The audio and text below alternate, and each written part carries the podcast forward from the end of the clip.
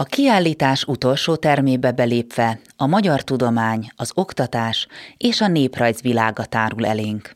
A terem második felében a hungarikumok, illetve több ma is létező és működő magyar világmárka és cég expókon való szereplésére is találhatunk több példát.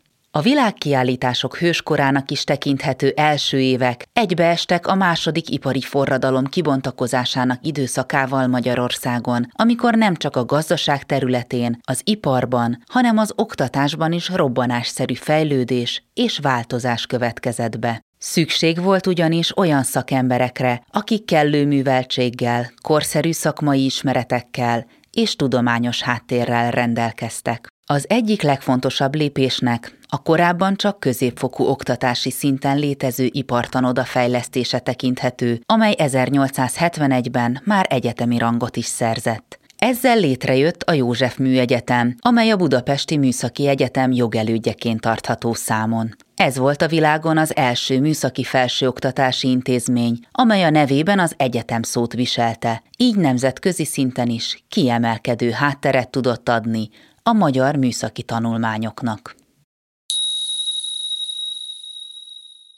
A század végére a létrejövő új intézményeknek köszönhetően a magyar tudományos élet egyre több téren mutatta meg eredményességét, újabb és újabb nemzetközi sikereket felvonultatva. 1895-ben már a női hallgatók előtt is megnyílt a lehetőség a felsőfokú tanulmányok végzésére, ami ezen a téren is az elsők közé emelte a magyar egyetemi világot. A magyar állam egyre szervezettebb keretek között mutatta meg a világnak a magyar tudományos és oktatási eredményeket az expókon. A csúcspontot kétségkívül az 1900-as Párizsi világkiállítás hatalmas magyar bemutatója jelentette.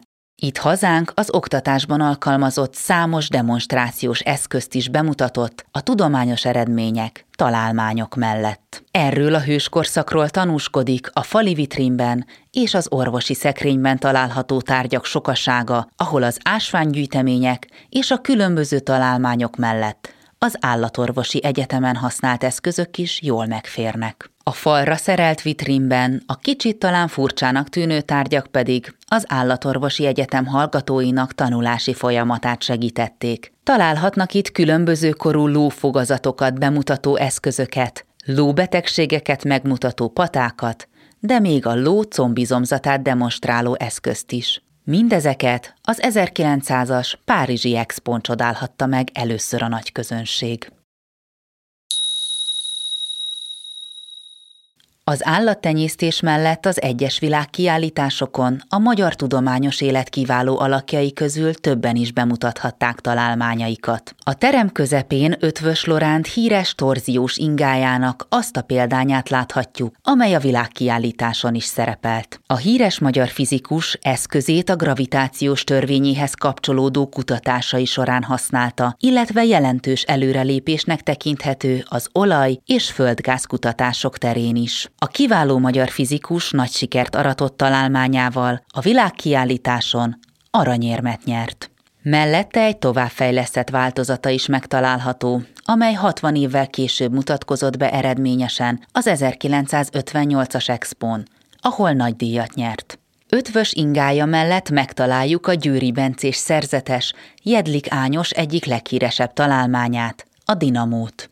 A mágneses erőből villamos áramot fejlesztő eszközt az autóipar mellett számos egyéb járműipari fejlesztésben is alkalmazták. Érdekesség, hogy bár a szabadalmat 1866-ban Ernst Siemens nyújtotta be először, a dinamó működési elvét Jedlik már 1861-ben leírta, csupán szabadalmi igényét nem nyújtotta be. Ötvös és Jedlik találmánya mellett a gancgyár egyik legfontosabb és legsikeresebb fejlesztését is láthatjuk a kiállításon, mégpedig az ős transformátort. Kitalálói pedig nem mások voltak, mint a gyár három kiváló gépészmérnök fejlesztője, Déri Miksa, Bláti Otto és Cipernovszki Károly. Az 1900-as Expón közreműködőként nagy díjat nyertek találmányukért. Mindezt megtekinthetjük az itt található szekrényben. Szemben a fali tárlókban számos gipsz állatszoborban gyönyörködhet. Ezeket a szobrokat ifja Vastag György a mezőgazdasági minisztérium megrendelésére készítette jókora mennyiségben a magyar állattenyésztés magas színvonalának demonstrálására. 1900 és 1937 között öt expón is használták erre a célra ezeket a szobrocskákat.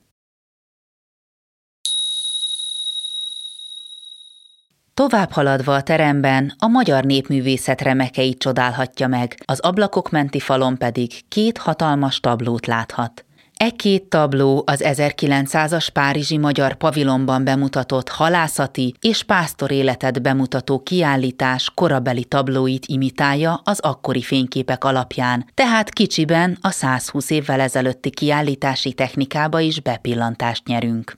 E tárgyakat egykori kollégánk Herman Otto gyűjtötte. Ma a mezőgazdasági múzeumban őrzik őket. E tablókkal és a tőlük jobbra eső kiállítás résszel azt szeretnénk láttatni, hogy a világkiállítások, valamint a múzeumok és gyűjteményeik létrejötte mennyire összekapcsolódik. Az itt látható néprajzi tárgyakat ugyanis Rómer Flóris és Xantus János gyűjtötte a Nemzeti Múzeum számára azzal a céllal, hogy először a Bécsi világkiállításon mutassák be őket. Több ezer tárgyat gyűjtöttek szerte az országban tudatosan, tudományos igényel, és ez az anyag vált azután a Néprajzi Múzeum gyűjteményének alapjává. A két tabló melletti rész közepén egy gyönyörű cifraszűrt találunk, melyhez hasonló úgynevezett Győri szűrt mutattak be az 1951-es világkiállításon. A cifraszűrt a szűrszabók varták és hímezték, majd applikálták. Az applikáció vagy rátét az a díszítési mód, amikor a mintásan kivágott anyagdarabot a másik anyag fölé vagy alá varják.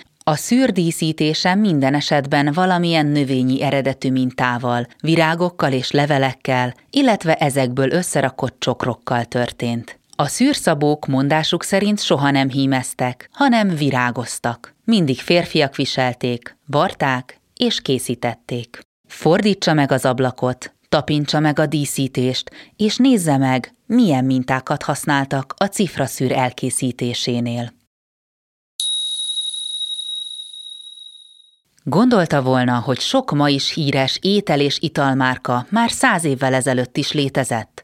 Több ma is létező márka és termék az expóknak köszönhetően lett világhírű, így például a PIK, Unicum, Stümer, Zserbó, Globus, Kotányi, Törlei, Dreyer. A cégek már a korai időszakban is rendelkeztek reklámokkal, plakátokkal, amelyeket megcsodálhat a kiállítás végéhez közeledve. Figyelje meg a Cvakgyár 1920-as években készült reklámtábláját. Használja az Artivive alkalmazást, és nézze meg az animációt. Az Unikum neve egy családi legenda szerint egészen a 18. századra nyúlik vissza. Dr. Cvak ugyanis második József egyik orvosaként gyógynövénylikőrrel kínálta az uralkodót, aki a különleges italt nem győzte magasztalni, és azt mondta, Das ist ein Unikum, ez egyedülálló. A híres ital ma is sokak kedvence, a magyar hungarikumok egyik legismertebb darabja. Köszönjük, hogy megtekintette időszaki kiállításunkat, és reméljük a jövőben is viszont látjuk látogatóink körében. Kérjük, használja vendégkönyvünket is, és írja meg nekünk, mennyire tetszett önnek a kiállítás. Viszontlátásra!